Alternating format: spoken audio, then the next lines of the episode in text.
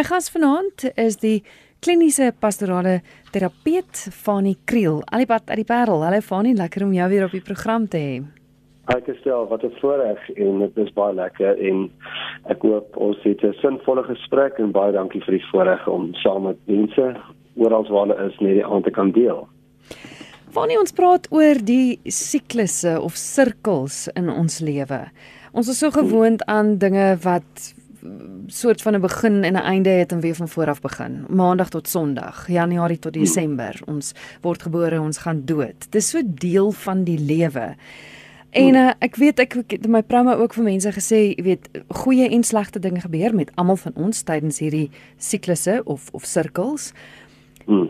En normaalweg gaan mens aan. Jy die, die goeie en die slegte dinge gebeur met jou, maar jy gaan dan net weer aan. Dit gaan verby, ons stel ons goedjies op en ons gaan aan.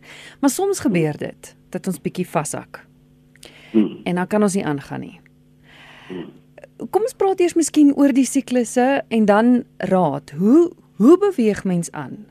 As jy so ja. vasgevang het, vasgevang het in iets, ehm um, hoe kom ja. jy los? Hoe gaan jy aan? Ja.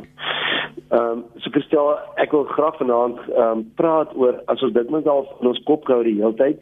Ehm um, amper soos 'n soos 'n strandmeer of 'n lagoon, nee, wat die ehm um, en dan kom soms kom die rivier erg af. Ehm um, ek dink nou maar aan Alexander Bay en so ja, 'n ander strandmeer en dan dan spoel die wal oop en die water gaan in die see.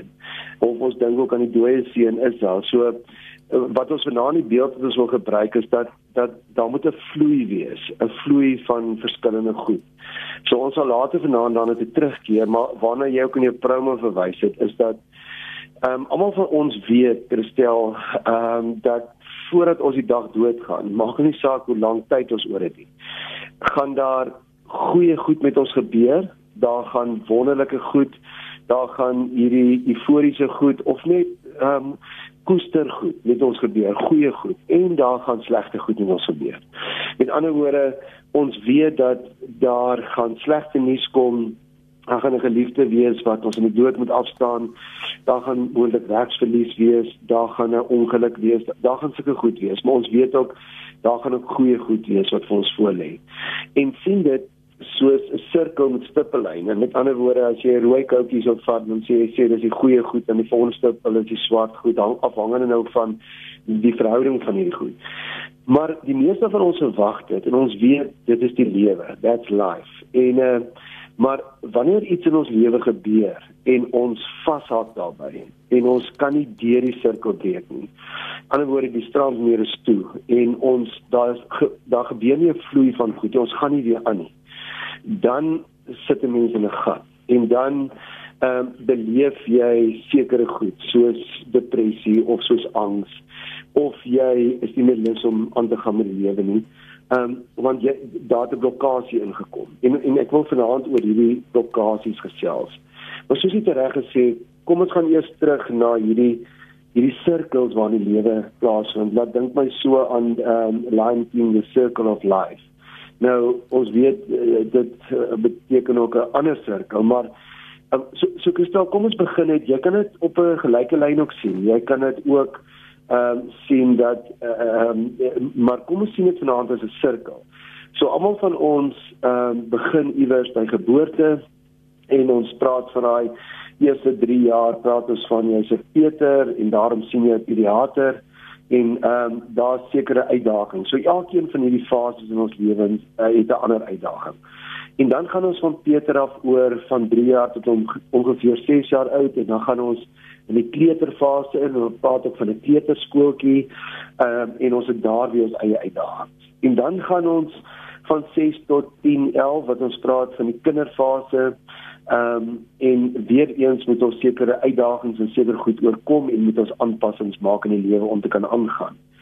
Ehm um, en dan gaan ons hier van 11, 12 af tot en met 18 jaar gaan ons in ons tienerjare of puberteit ehm um, en waar daar ook weer unieke jare en uitdagings en fases in ons lewe lê.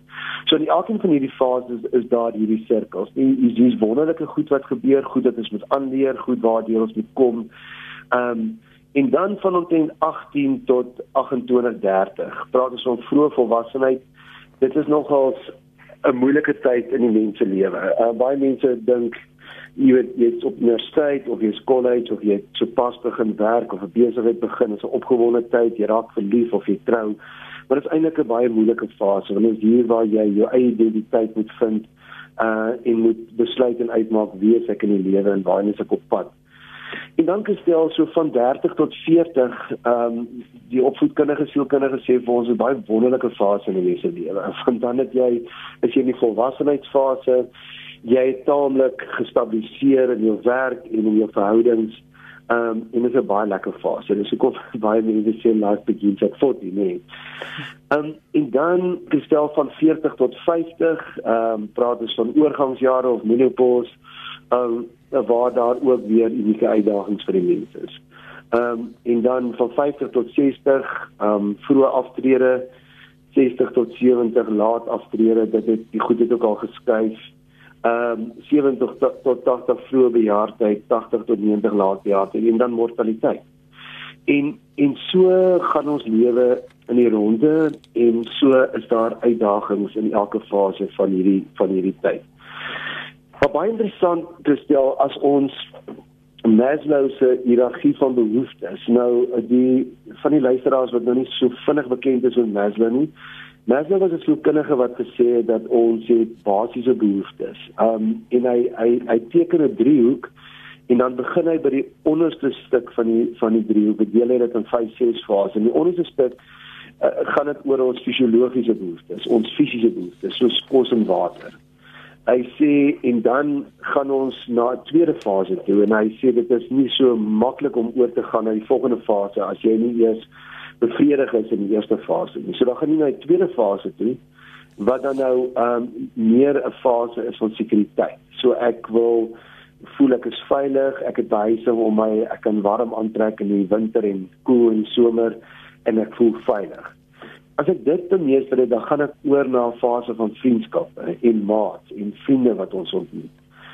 En en dan gaan ons verder oor in 'n fase wat in Engels noem esteem of dan 'n fase van eie waarde waar ek ehm um, soort van myself weer ken, my identiteit, selfrespek het, ek voel ek is genoegsaam in die lewe. En dan beweeg ek in 'n laaste fase van selfaktualisering om myself te aktualiseer en myself te ontwikkel en die hoogste sport wat ek in my eie lewe kan bereik, te kan bereik.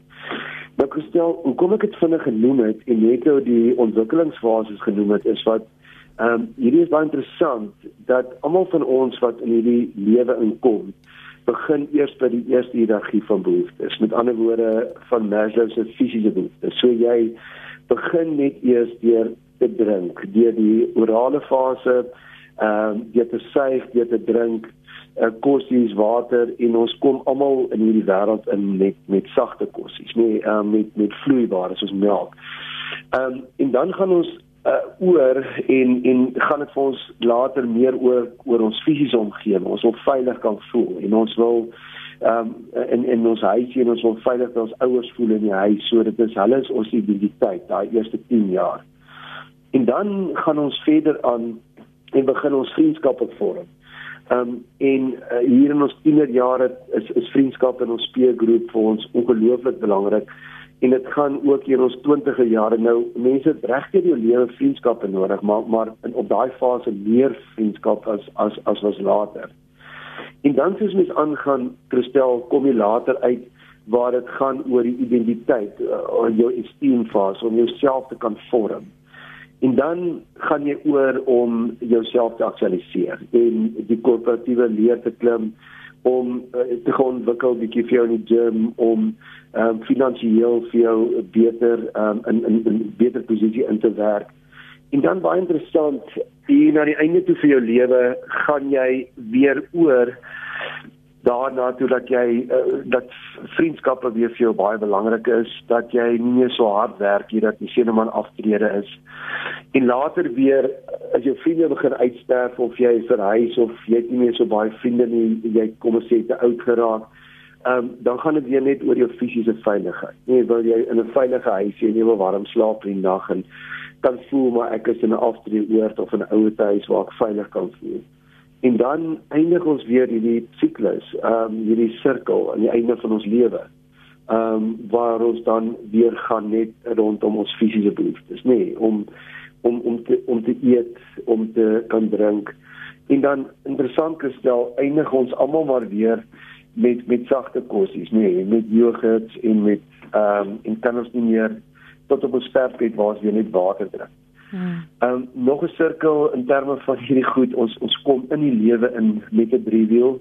Ehm um, die eerste eerste feature of eerste ding waarmee ons ry en ons gaan die lewe uit uh met alle respek te sien aan die jare wat hier met hierdie hierdie driewiel soort van stap ehm um, of hierdie raam stap.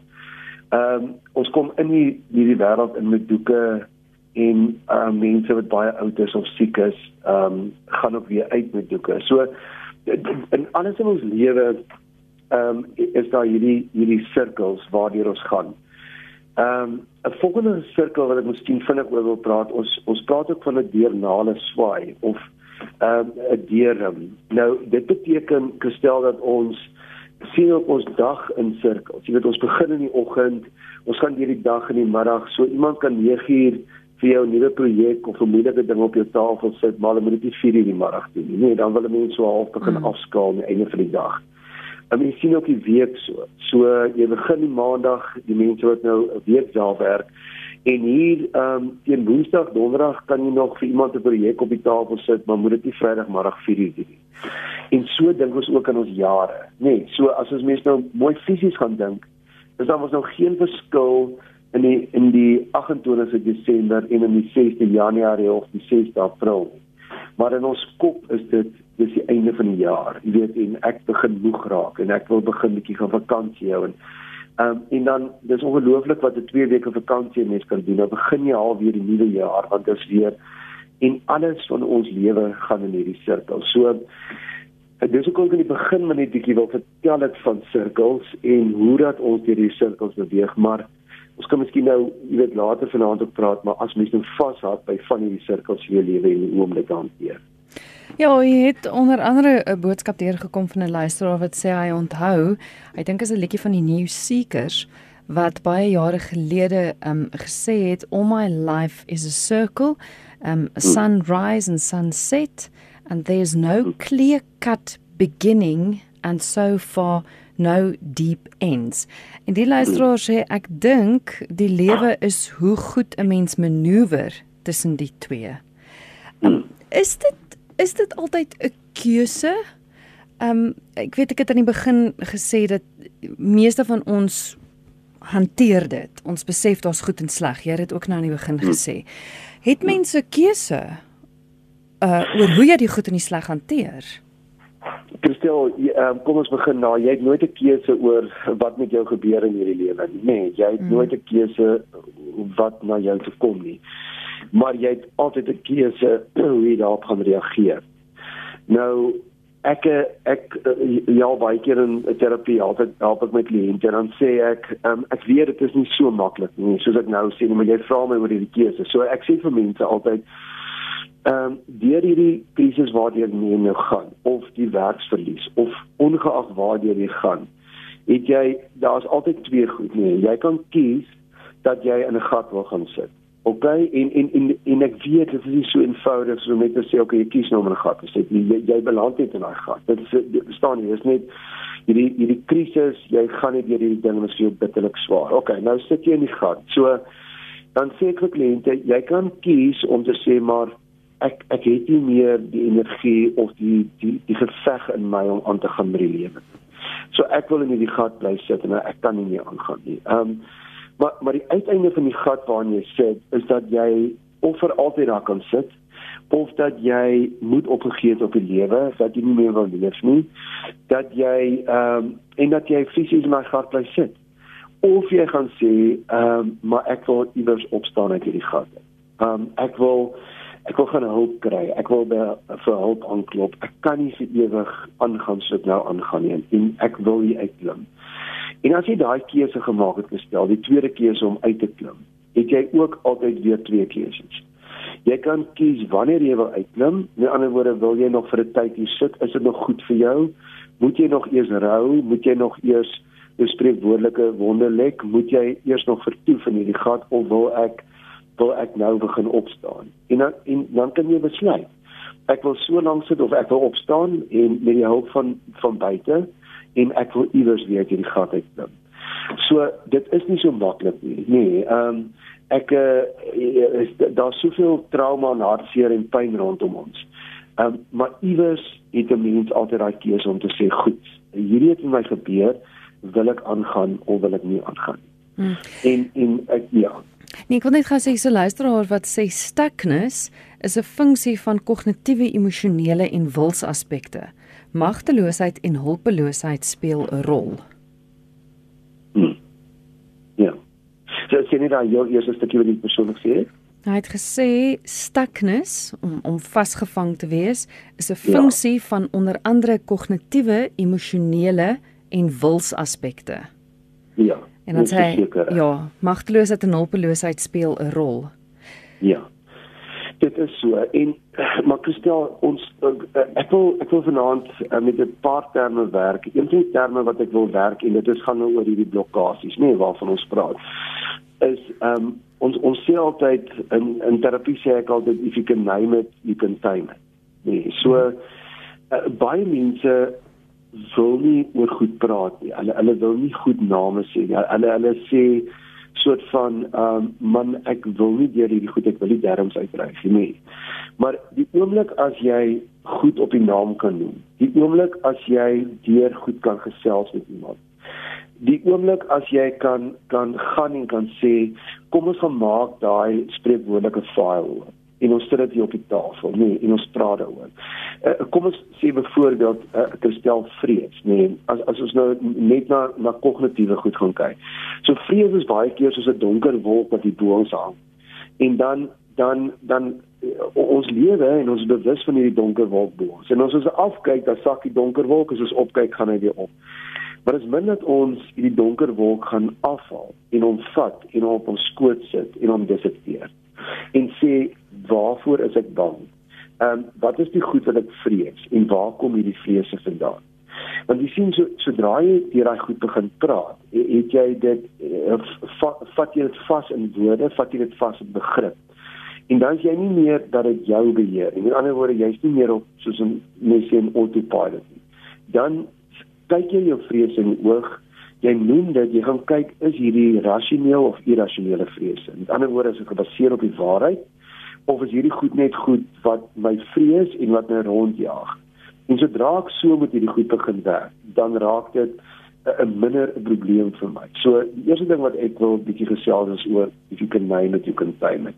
En selfs goed uit ons verlede uit ook. Um Dan Christiane, 'n ander belangrike beginsel wat ek net hier op die tafel wil sit vanaand is dat ehm um, dit is die berg en kampeerterrein effek, nê. Nee, so almal van ons was seker nou by 'n kampeerterrein, sien nou maar soos 'n skoolverlaterskamp of een of ander kamp. Ehm um, en daar's 'n berg langs hierdie kampterrein. En dan elke keer as ons teen die berg uitklim, sien nou maar elke 10 minute wat ons klim, sien ons 'n ander perspektief van die kampterrein raak.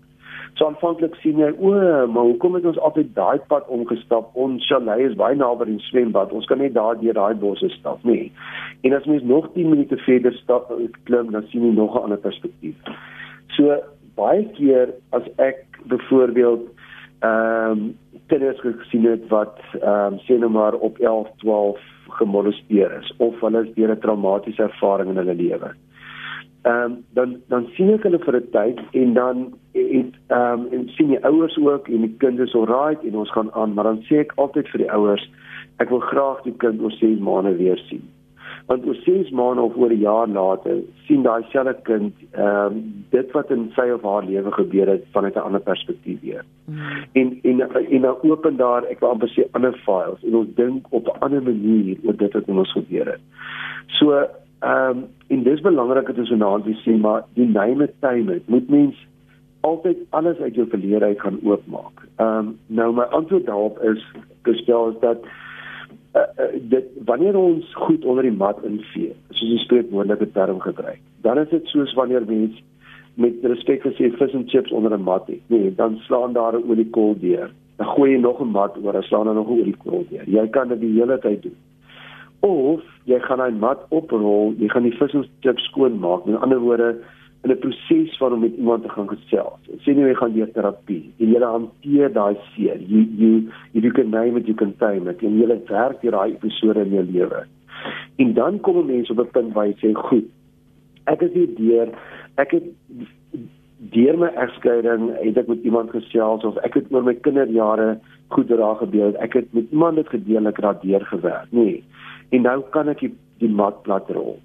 En nou kan ek voorkant toe as iemand vir my sê, "Jong, wil jy nie weer oor daai daai ding gesels nie?" Ek sê, "Weet jy nie, ek het dit hanteer." Nee, ek het met iemand al gesels, maar as ons dan nou hierdie berg gekampeerterrein effek in gedagte hou om te sê maar ek is daardeur, maar miskien moet ons net weer in hierdie perspektief sien of ek is okay, nê. Nee. Hmm. Maar dat mens net vir jouself sê dat dat daar is goed wat in die verlede gebeur het en ek kan nie die goed net onder die mat vee nie. Ek moet dit oopmaak en ek moet dit deurwerk.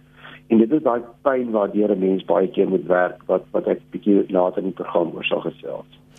Hier's 'n luisteraar wat sê raad vir aanbeweeg na 'n egskeiding. Ek het jonk geskei op 30. Ek is oor my ex, maar ek sukkel om oor die gevoel te kom dat ek nou 'n etiket om my nek dra. sien mense my nou as tweedehands en sal ek weer in 'n verhouding kan wees? Okay.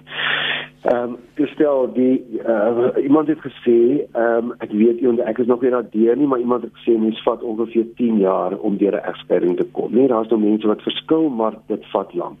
So dis 'n traumatiese ervaring. Sy sê sy is oor haar ex.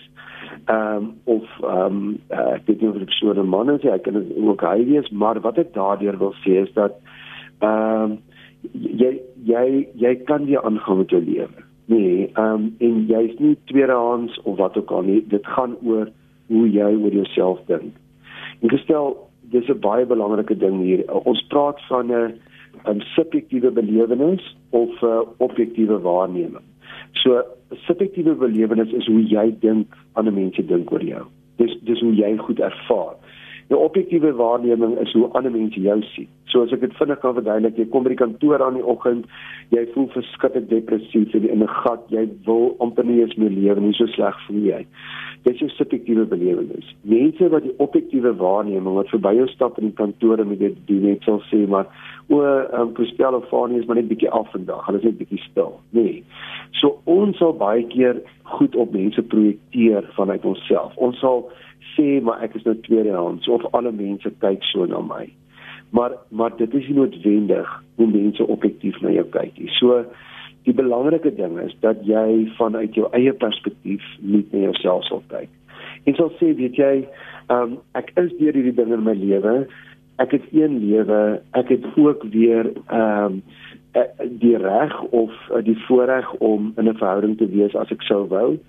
Maar maar hier kom 'n belangrike punt om luisteraar net te, te antwoord en dit is dat 'n mens maar altyd na so iets sal poog om deur die proses te werk. Om iemand te gaan sien 'n terapeut of 'n vriend of een van jou ouers en en te gaan werk deur die goed en sê maar wat het nie in my huwelik gewerk nie? Is daar sekere patrone is daar sekere lewensmaats wat ek die hele tyd geneig is om uit te soek maar dit gaan hierdie patroon gaan hom weer herhaal sodat ek kan gaan kyk en sê maar ek kan nie hierdie spesifieke soort persoon trou of nie uh, in 'n verhouding gaan nie want net hoe gebeur so iets weer. Sodat mense net bietjie deur jouself deur prosesse werk voordat jy weer aangaan met dit. Ja, maar ek dink dit is verskriklik waar wat jy sê. Ons is so geneig om onsself op 'n sekere manier te sien. En ja. en dit projekteer dan uh of of ander mense beleef ons dan ook so omdat dit is hoe ons oor onsself voel en dit dikwels uitstraal. Dit is so ongelooflik ja. waar. Hier's 'n luisteraar wat sê, "Hoe beweeg ek aan na die dood van my kind?" Want in my kop, as ek voel ek moet aanbeweeg, voel dit asof ek van my kind van gaan vergeet. Hmm. hmm. Dit is 'n verskriklike belangrike punt. Jogg Christel, um, as ek sê met alle respek want soek ons dit ons het diep geruk in ons land. Ag ons ons word ons elke dag diep geruk deur deur soveel hartseer en pyn maar onder andere deur die gesinne wat uh, by Blinkwater in Kalahari um, in die brand dood is. Ehm um, en ek het in hierdie tyd met ehm um, van hierdie gesinne se familie het ek 'n pad gestap en en die die groot ding is ek ek dink nie ons kan ooit ooit vir iemand sê uh, jy weet hoe dit voel om 'n kind se dood te gaan, maar nog te meer ek kan presies klein kinders se dood. Nee, en van hierdie mense het deur al twee gegaan. Ehm um, maar kom ons kom by daai punt uit. Ek dink by die dood van 'n geliefde ehm um, is daar 'n skuif. Daar's 'n skuif wat begin plaasvind in jou eie lewe. Of kom ons sê nie vir eers dit, sorry Christel, is dat jy sal nooit oor die dood van jou kind kom nie of dit is wat maar die meeste mense met wie ek werk, maar jy leer om daarmee saam te leef en en dit is dit is 'n groot dis 'n groot verskil. So maar maar in 'n daar is 'n natuurlike rouproses, nê, nee, waardeur 'n mens gaan. Ehm um, en dan wat baie belangrik is, daar kom 'n punt, gestel wat jy oorbeweeg van hierdie rou en dit is letterlik wat die woord beteken. Dit voel amper om soos om doringdraad te sluk. Nee, dis rou. Jou jou bewussyn word die hele tyd opgemaak deur hierdie gemis. Die persoon is nie daar nie. As jy wakker raak in die oggend, Dis alwaar jy kan dink die hele tyd. En dan beweeg jy aan van hierdie rou af na na mooi memories, nê. Nee. Um mooi dinge in die verlede, terugblikke, foto's, jy onthou jy nog stories. En dan hierdie mooi beelde van die verlede of hierdie memories, um uh, um begin dan jou lewe in die plek van die rou oorleef. En baie mense, soos die luisteraar, sal dink, maar as ek nou deur hierdie pyn beweeg, en en ek gaan na hierdie mooi herinneringe toe nie dan het ek soort van my gelief, van my geliefde vergeet. Of baie mense sal ook sê, "So, ehm um, kyk hoe lekker lag ons of ons braai nou en so, het hierdie persoon wat oorlede het dan so min vir ons beteken." Maar dit is bloot net nie waar nie. Want gestel baie mense dink al wat ek nog het aan my geliefde wat oorlede is, nê, nee, is dat ek kan vashou in die rou. So die oomblik as ek ophou rou, dan is dit soort van amper soos as jy die beeld voor jou kan sien dat jy amper die persoon afknip en daar gaan die persoon teen die rivier af, nê. Nee. Hmm. Maar dit is nie waar nie. Almal van ons gaan van hierdie rou af later oor en dit elkeen van ons doen dit op ons eie tyd na die mooi herinneringe toe. Maar jy moenie as jy weer aangaan met jou lewe en na die mooi herinneringe aangaan dink jy die persoon was nie vir jou lief. Jy was nie lief vir die persoon of die persoon het vir iets beteken nie. En miskien wil ek gou vir die luisteraar ook sê en vir ander luisteraars wanneer ons in 'n proses van rou is, nê, nee, en ons praat ons vanaand oor die sirkels wat moet aangaan. OK, so ehm um, daar is vier fases van rou waardeur mense gaan. Ehm um, as jy nou jou werk of 'n kind of iets verloor het of selfs deur 'n egskeiding gegaan het. Die eerste fase is die die erkenning van die feite. Nee, so dat ek sê, goed, my kind is dood of my huis het afgebrand of ek het my werk verloor. En dit is 'n verskriklike seer hou proses, maar jy en dit vat baie keer vir baie lank, maar jy jy kom tot op daai punt waar jy daardeur gaan. Die tweede ehm um, ding is 'n uh, vlak van rou of fase van rou is om die ervaring van die emosies te stel. Dat dat jy ehm um, na die dood van jou kind of 'n werksverlies of enigiets waartoe jy gaan, dat jy die emosies sal beleef Nou moet ons hier vir mekaar onmiddellik sê, en nou ons praat van unieke emosies. Ja, daar is sommige kinders wat nooit nooit huil oor die dood van hulle ouers nie. Nooit fisies huil nie. En en baie groot mense so karring met die kinders en sê, "Sjoe, um, hy het nog niks gehuil nie of daar's iets fout. Iewers gaan hierdie kind inkom." Dis nie noodwendig so nie. So baie van ons um huil op ander maniere maar maar jy moet die emosies kan beleef. Nee, um, en dit is die tweede vlak of tweede fase wat jy gaan. Die derde fase wat jy gaan is die heraanpassing in nuwe omstandighede. So dit beteken dat sê nou maar jy trek na 'n ander dorp of jy gaan hervestig jou in 'n ander huis of jy moet weer met 'n nuwe huwelik begin of in 'n 'n nuwe dorp of 'n nuwe skool. So dis die heraanpassing in nuwe omstandighede. En dan die vierde fase is die herbeleef van emosies. So jy is nou geskei of jy het 'n lewensmaat in die dood afgestel en nou na 3, 4, 5, 6 jaar ontmoet jy ontmoet jy weer iemand en om weer jou emosies te kan herbelê. En, en dit is dit is 'n vierde fase waardeur mens waardeur mens gaan in hierdie proses. Hmm. Is is nog 'n uh, SMS van 'n luisteraar wat ook verlies beleef het wat sê Kristel ek het my vrou aan die dood afgestaan. Ons was 41 jaar lank baie gelukkig getroud. Ek is nie in 'n gat nie, maar ek stel nie belang in iemand anders nie. om iemand anders te ontmoet nie. Al my vriende raai my aan Maar dit is maklik om te sê as jy nie in dieselfde bootjie is nie en nie kan saampraat nie. Indien jy ja. ook jou geliefde verloor het nie. Maar dit is ja. nou byna 2 jaar wat sy oorlede is en sommige dae is dit net baie moeilik om aan te gaan. As ja. Pieter wat sou dit weet. Ja, so en ek wil ja vir die persoon sê ek ek dink regtig aan jou en dit dit dit is nie maklik nie. Ek wil onmiddellik sê, gestel, ek dink ons moet baie versigtig wees om vir mense voor te stel en vir mense te sê hoe hulle lewens moet leef. Ek voel baie keer ons moet net teenwoordig wees in mense se lewens. Dat hulle self deur hierdie goed kan werk, dat hulle na ons toe kan kom, dat hulle dat hulle net ons stille teenwoordigheid beleef, maar ek dink nie ons moet voorstelle maak of vir mense sê jy moet net dit of dit doen nie. Want baie keer is ons so gelukkig getroud gewees of ons so gelukkig in 'n verhouding en daai verhouding is so uniek vir ons gewees, nê, dat ons dit nooit vir wil vervang dat ons en dit is nie soos die persoon sê dat ons rou of dat ons in 'n gat sit nie, maar ons wil ons is gelukkig nou op ons eie. Ons hoef nie En ek wil dit baie duidelik sê, stel ons hoef nie getroud te wees of in 'n verhouding te wees om die lewe 100% gelukkig te beleef nie. Ons kan op ons eie kan ons ook gelukkig wees. Maar ek wil en ek is bly om te hoor dat die persoon sê maar daar is nie 'n blokkering of of hy nie vasgehaak nie. So miskien moet ons net vinnig gou praat oor hierdie blokkerings. Ehm um, of hoe dat ons by een insident vashaak. Gestel ek het 'n klomp jare gelede toe doen ek met 'n sekere persoon 'n genogram. Nou genogram is amper soos 'n stamboom. Dit kom uit kontekstuele sielkunde wat waar by die Hollanders baie baie sterk is. Ehm um, so die konteks of die stamboom waar jy groot geraak het. Ehm um, en hierdie hierdie een spesifieke persoon is een van twee kinders. Ehm um, en hy is die jongste van twee. En sy pa het hom verskriklik ehm um, met te nagekom baie keer emosioneel abuse ehm um, en en hom net totaal al afgeskeep teenoor die die oudste kind. Ehm um, en hy hy hy deur baie moeilike tye in sy lewe gaan hieroor. En hy het my begin sien en ons het gaan ontdek het wonderlike ouers, maar hoekom is dit so dat sy pa regtig hy is die swart skaap gehanteer en daar's geen rede voor hom en hy gaan deur moeilike tyd. En toe ons gaan ontdek sy pa se genogram doen, gestel, toe ontdek ons dat die persoon het ehm um, toe hy in sy kinderjare was, uh, het hy om een of ander rede ehm um, hy was toe ehm um, die die die die oudste en uh, sy sy maat siek geraak en hy was na weeshuis toe vir 'n tyd en die die jonger boetie kon by die huis gebly het.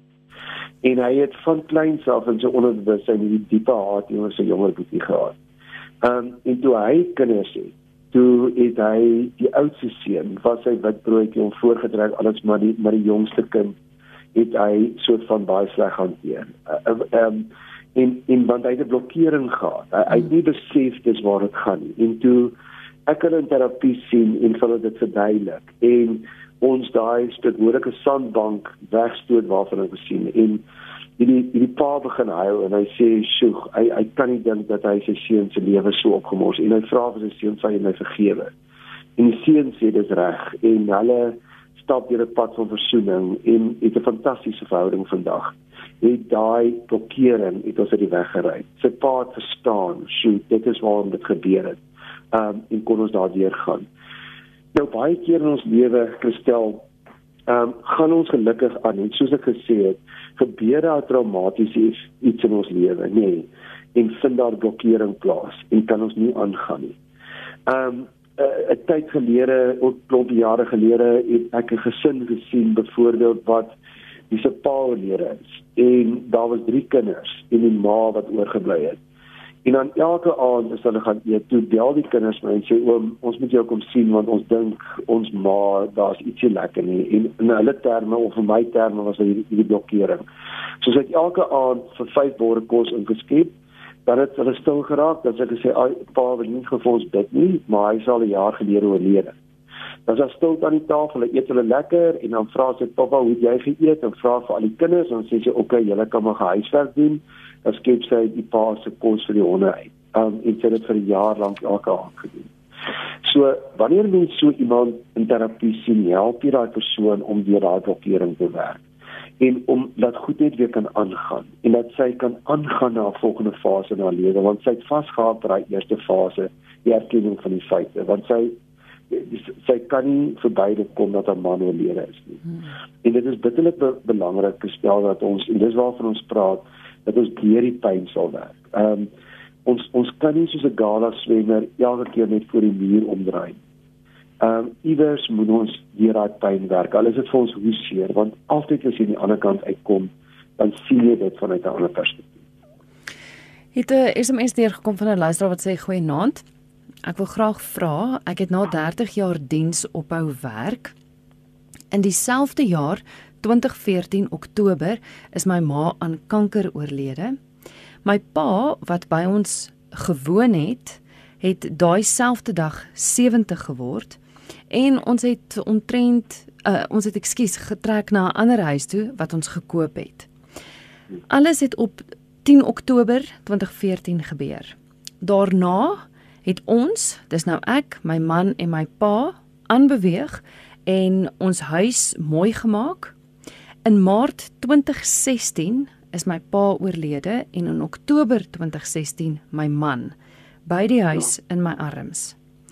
Al die goed wat ons saam gedoen het, staan net so, alles half klaar gedoen. Ek het heeltemal in 'n kluisenaar ontaard. Ek bly op 'n klein dorpie en ek weet nou hoe voel troeteldiere wanneer hulle mense trek en hulle net daar agterlaat. Hmm. So, gestel, ehm um, ek ek gaan dit so antwoord, daar's 'n uh, ongelooflike boek wat die Benjamin Franklin Award gewen het, 'n uh, uh, klomp jare gelede. Ehm um, the anxiety and phobia workbook en uh, dis in Edmund um, in Bern as dit ouens wat die boek geskryf het.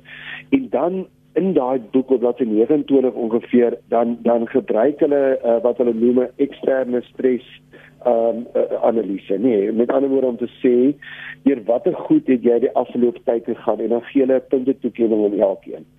Ehm um, en hulle hulle hulle hulle vat dit gewoonlik oor die afgelope 2 jaar. So om deur 2 jaar byvoorbeeld deur gevangenisstraf gee hulle sê nou maar 75 punte of die dood van 'n geliefde 85 punte en so gaan dit af. Nou hierdie luisteraar as mens haar dit punte telle omtrent gaan uitwerk dan dan is dit geweldig baie hoog. Daar was net te veel veranderinge, net te veel afskeid, net te veel rou oor 2 jaar in haar lewe. Nou uh, hoe hanteer mense dit? Die, die antwoord bly dat dit bly 'n keuse van van elke persoon. Dis wat ek in die begin gesê het, nê. Nee. Ehm um, hoe lank wil jy die kluisnaars bestaan of in daai gat sit? Nou dit klink so maklik om te sê hoe lank wil jy? Nee. Want sy sê onmiddellik vir jou sê maar maar maar my wil is net nie daar nie. Ek ek sit net in hierdie gat. Maar die punt is altyd om daai om om ek wil amper sê daai daai die water weer in beweging te kry. Om net by iemand te gaan sit om net oor die goeie begin praat, om daai eerste stap te neem, Christel, om te sê ek kan nie vir altyd hier sit nie. Ek wil nog leef. Ek is so oud, ek het soveel jare wat voor my lê. So kom ek kan sit en al gaan praat ek net met iemand op die dorp, 'n goeie vriend, of ek gaan praat met 'n maatskaplike werker of my dominee of pastoor of my ehm um, asielkundige en ek gaan begin net weer deur hierdie goed werk. Ehm um, Christel is van in in ehm um, ek ek wil gou hierdie storie vertel. Ek het op 'n stadium iemand gesien en uh, hy het dit self ombrok op die radio vertel so hy sien om as ek daar praat en hy het uh, in die Karoo groot geraak en hy het 'n geweldige autoritaire pa gehad wat vir hom beskiklik sleg behandel het volgens hom. Die pa is so 2 jaar gelede oorlede en toe kom hy by my en uh, hy sê altyd as hy in sy bakkie gery het, het hy altyd sy hand op die uh, raadhefboom gesit en dan bewe hierdie raadhefboom. Hy sê dat hy taal sy hand geslaan. Kom ons sê maar jy kan nie jy, jy moet die raadhefboom vry los, jy kan nie aan hom vat nie. En uh, so kom sien hy my 'n paar keer in terapie en uh, ek en hy werk deur die hartseer vir hom en sy pa se verhouding. En eendag toe ry hy weer op die grondpad en die volgende sessie kom hy terug toe sê hy vir Fanie ek het vandag my pa uitgelaai. Ek sê vir hom wat bedoel jy? Hy sê ek het weer so gery en ewe skielik kry ek hierdie skrik binne my en ek haal half my hand van die die rat het hom af. Hy sê ek stop langs die pad en ek stap uit en ek maak die passierkant oop en ek sê my pa, ek is baie lief vir hom. Hy het ongelukkig nie meer plek in my lewe. Dit is 2 jaar na sy pa se dood. Hy moes daardeur gaan en sy pa uitlaai om te kon aangaan met sy lewe. Om te kan sê maar ek gaan die goeie wat my pa my gelos het, gaan ek nie aangaan, maar ek kan nie meer hierdie autoritaire, ek kan nie meer hierdie goed, hierdie swaar kry wat ek met my pa beleef het, ek kan nie daarmee aangaan nie.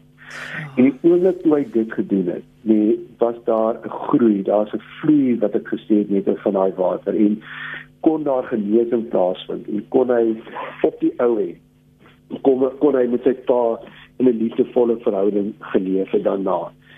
Want Christel, um, ek ek wil graag oor oor die soortgelyke ervaring wil ek net vinnig vir jou iets lees, nee um, op die op die lig uh, Gordon was 'n sielkundige wat in 1976 het hy die volgende woorde gesê nee so so hier gaan dit nou oor die luisteraars onder ons wat nou Christene is en dit gaan oor die vyfde gebod oor eer jou vader en jou moeder. En Gordon praat van 'n circuitous route hierdie hierdie sirkel waarvan ek vanaand praat. En hy sê die volgende hier gaan dit nou oor jou ma jou ma en jou pa of ouers wat jy wat jy sleg hanteer het en oor wie jy haat of wat ook al het sê die volgende: There's a rather courteous route to obeying the fifth commandment. We can't honor our parents unless we can forgive them. We can't forgive them unless we can blame them. We can't blame them unless we can admit how much we suffered and hurt because of their parents' shortcomings. Nou sê nie halfte van hierdie sirkel nou gaan hy aan hy sê if we can share that hurt with someone who hears and understands then we can blame them. After blaming, we can forgive. After forgiving, we can sincerely honor them for who they are, real people, and not just in words, only as merely human beings. Hmm. So Christel, ons wil op die ou end uitkom waar sê goed, ek ek vergewe my ouers, ek vergewe my ex, ek het, ek het weer lief. Ek vergewe my vriend wat my reg gesteek het of my sake vernoot wat my reg gesteek het. Maar maar jy jy kom nie daarby uit as jy nie eers deur daai proses gaan van van blaming, van vergewe en dan op die ouende sê goed, nou eer ek julle vir wie julle is. Ehm um, en en dit is verskriklik belangrik dat 'n mens deur daai daai sirkel sal beweeg om om weer daai vloei van energie um, los te maak. Hmm.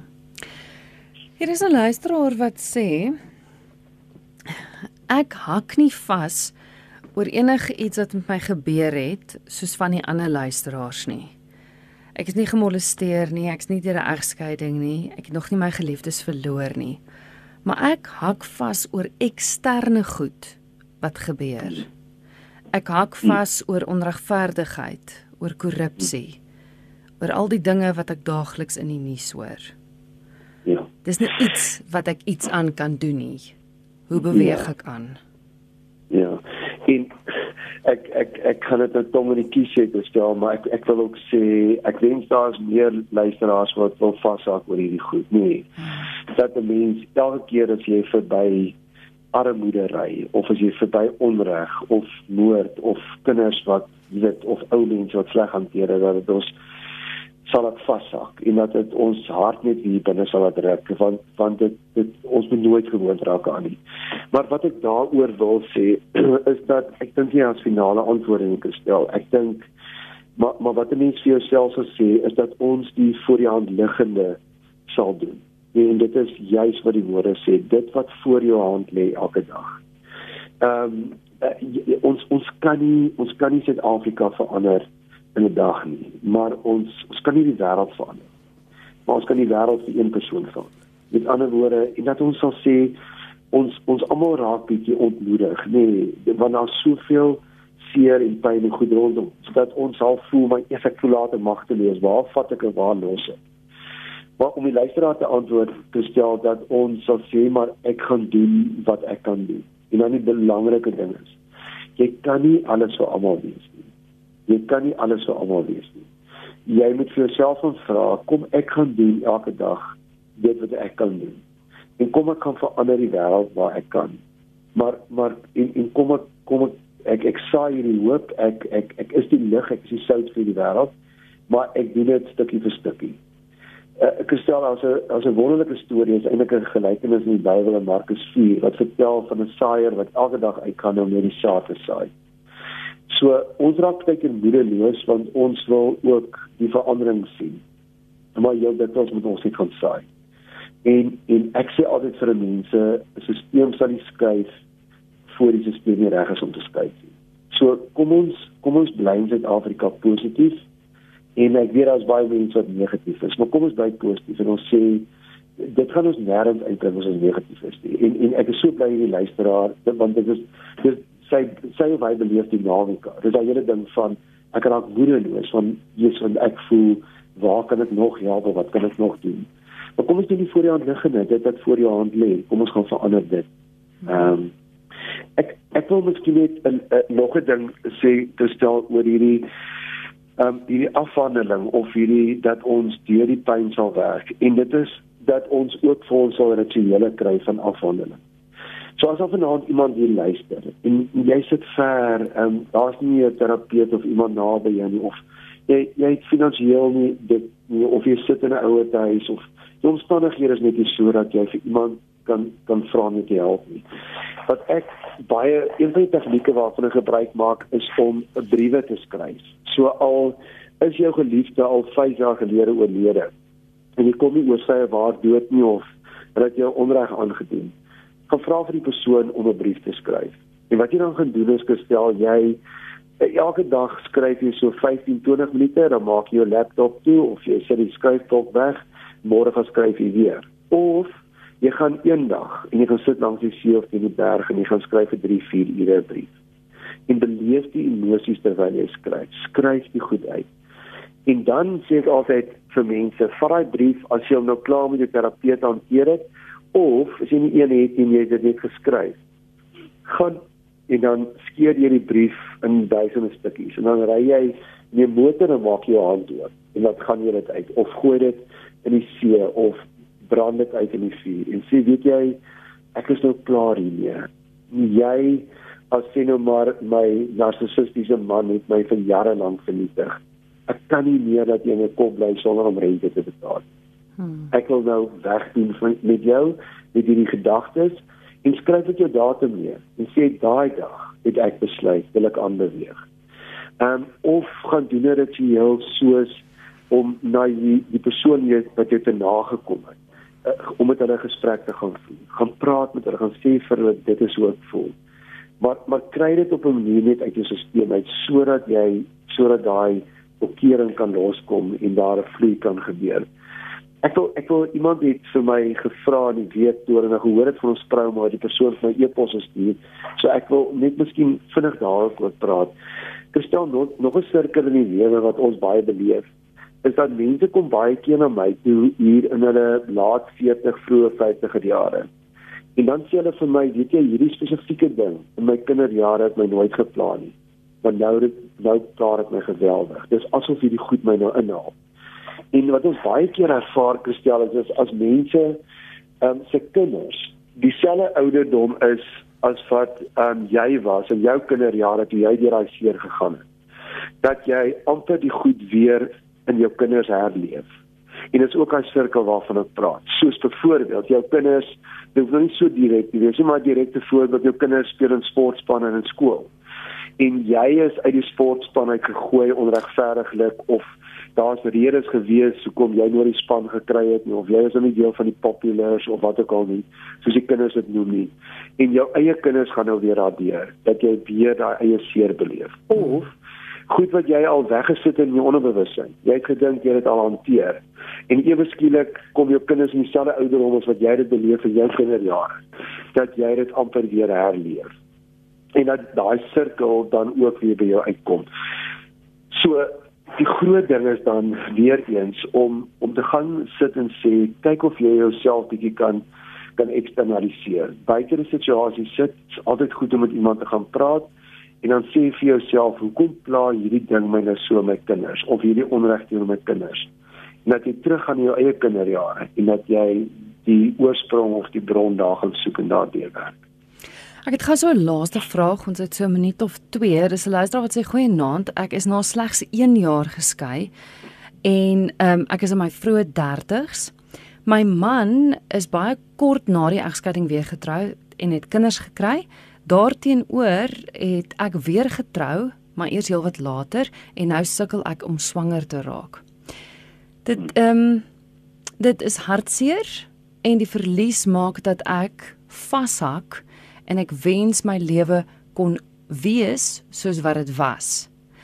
Ek dagdroom oor hoe dit kon gewees het sou my ex nooit van my geskei het nie. Dit beïnvloed my tweede huwelik. Hoe maak mens?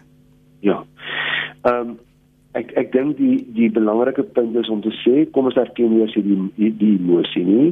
So daar's emosie van van hartseer as emosie van ehm um, van so ek dink dit was ek daar's emosie van miskien was sy nog nie eens heeltemal ehm um, deur haar eerste man gewees deur die proses nie. So ons erken eers hierdie emosie. Uh, dan die tweede ding is om te sê goed ehm um, ek ek het nou my eie lewe en ek het nou my unieke situasie. So ek kan nie ek gaan nie na my my ex dop oor die hele tyd en na hulle kyk nie. Ehm um, maar ek het my eie lewe om uit te leef. Ehm um, en ek gaan ook kyk en sê wat is die wonderlike goed wat my tweede huwelik vir my gebring het en my hierdie man of hierdie persoon in my lewe gebring het. En om net eers die verhouding te geniet sonder om dit wat uit die verhouding uit kan voorkom om dit te geniet. Want ek wil net eers om die verhouding net om my lewe saam met die persoon te geniet en gestel ek sê altyd daar's drie bane waarna ons hardloop, maar al drie bane uh, is in die 100 meter en al drie bane kan die 100 meter wen. Met ander woorde, die eerste baan is jy op jou eie. Om te sê ek kan my lewe op my eie lewe, ek kan 100% gelukkig wees.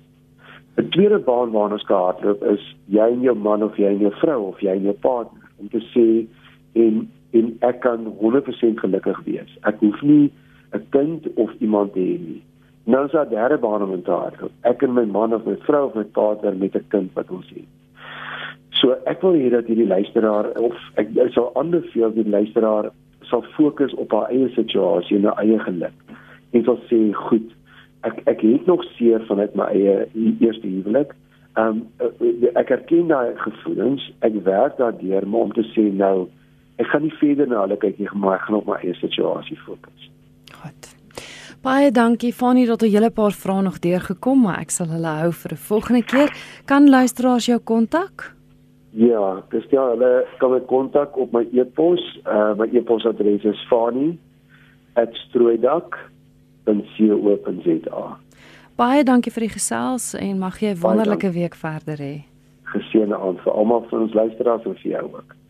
Dit is Fanie Kriel met wie ek gesels het. Hy is kliniese pastorale terapeut van die Parel.